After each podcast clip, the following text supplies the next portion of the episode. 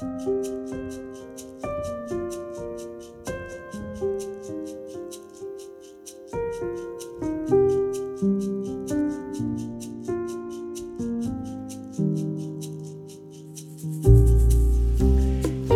lyttere. Det har gått noen uker siden jeg sa følgende på denne podkasten. Jeg tror vi nettopp nå lever i tider med store omveltninger, der mye synes å være i flyt. Det kan virke vanskeligere enn noen gang å skjelne hva som er sannhet, hva som er rett og galt, og hvordan vi skal handle. Og så sa jeg at i neste podkast vil jeg si litt mer om hvordan vi nettopp nå, i tider som disse, kan hjelpe hverandre som fellesskap til å bedømme åndene og gjøre gode valg. Det ble et lite avbrekk med noen andre innspill fra meg, men i dag vil jeg forsøke å fortsette litt der jeg slapp.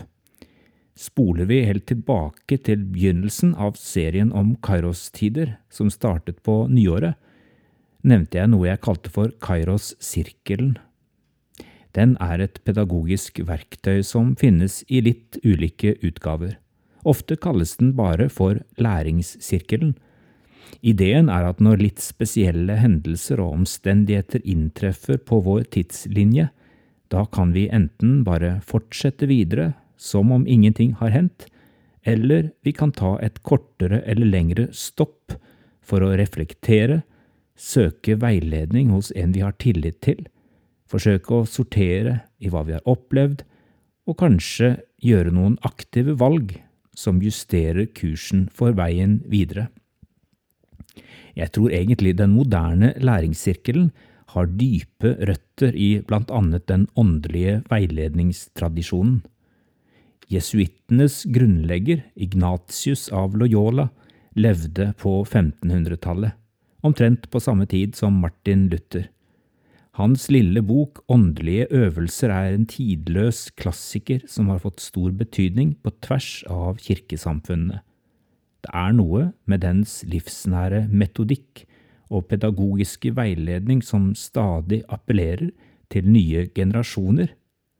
Kort fortalt var Ignatius opptatt av det å bedømme eller skjelne åndene Begrepet ånder er da brukt i videre forstand enn det vi ofte tenker på som onde ånder eller demoner. Det er et uttrykk for alt som er destruktivt og som skaper mismot og fortvilelse hos oss. De gode åndene, eller englene, er da uttrykk for gode krefter i tilværelsen som virker til trøst og oppmuntring i våre liv. Disse gode åndene har sitt opphav i Gud. De onde kreftene er det vår åndelige motstander som står bak, selv om Gud på et eller annet vis har gitt sin tillatelse til at de får operere. I Guds utgrunnelige visdom kan også det som tilsynelatende skaper bare motløshet i oss, ha en rolle å spille i den større sammenhengen, men for ikke bare å drives med av omstendighetene, anbefaler Ignatius oss å gå inn i en lytte- og skjelningsprosess, en skjelning mellom det gode og det onde. Det er i den første halvdelen av Kairos-sirkelen eller læringssirkelen at den viktige skjelningen og bedømmelsen av åndene foregår. Det skjer i sammenheng med at vi ser oss tilbake og reflekterer over det som har foregått i våre liv, og stiller oss en rekke spørsmål for å avsløre om vi er på vei bort fra Gud eller nærmere Gud. En slik lytte- og skjelningsprosess skjer ikke i et vakuum, men i bønn og i dialog med Bibelen, teologien og kirkens veiledning. Prosessen kan ta lang eller kort tid, men vil hjelpe oss til å ta gode beslutninger og gjøre aktive valg til beste for oss selv og våre omgivelser. Dette er selvsagt ikke alltid enkelt i praksis.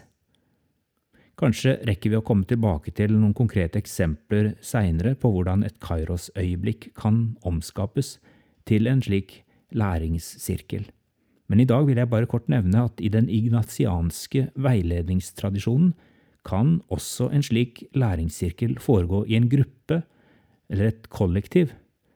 I den franske filmen Om guder og mennesker fra 2010 befinner vi oss i et munkekloster i Algerie.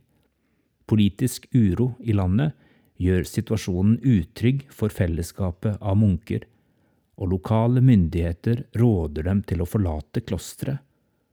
Munkene er først uenige seg imellom om hva som er riktig å gjøre. Da tar klosterets leder fellesskapet med inn i en slik prosess, der de tar seg tid til å skjelne og bedømme situasjonen de har kommet opp i, ved å lytte til Gud og hverandre. Til slutt blir det hele klart for dem. De er samstemte om det de tror er Guds vilje. De velger å bli værende i klosteret, selv om de dermed setter sine liv i fare. Filmen er basert på en sann historie. Slettes ikke alle våre Kairos-øyeblikk handler om å ta beslutninger på liv og død. Likevel funderer jeg på om vi kristne kanskje kunne benytte oss mer av slike lytte- og skjelningsprosesser i våre grupper og fellesskap, slik disse munkene gjorde. At vi kanskje skulle grave litt i vår felles åndelige tradisjon etter verktøy som kan hjelpe oss når vi stadig oftere befinner oss i nytt og ukjent landskap som menigheter og samfunn. Når sendte Gud deg sist inn i en Kairos-sirkel for modning, læring og nødvendig endring? Kanskje er du der akkurat nå? Må Herren velsigne deg, og må Han sende et menneske i din vei som du kan samtale med om det du nå står midt oppi.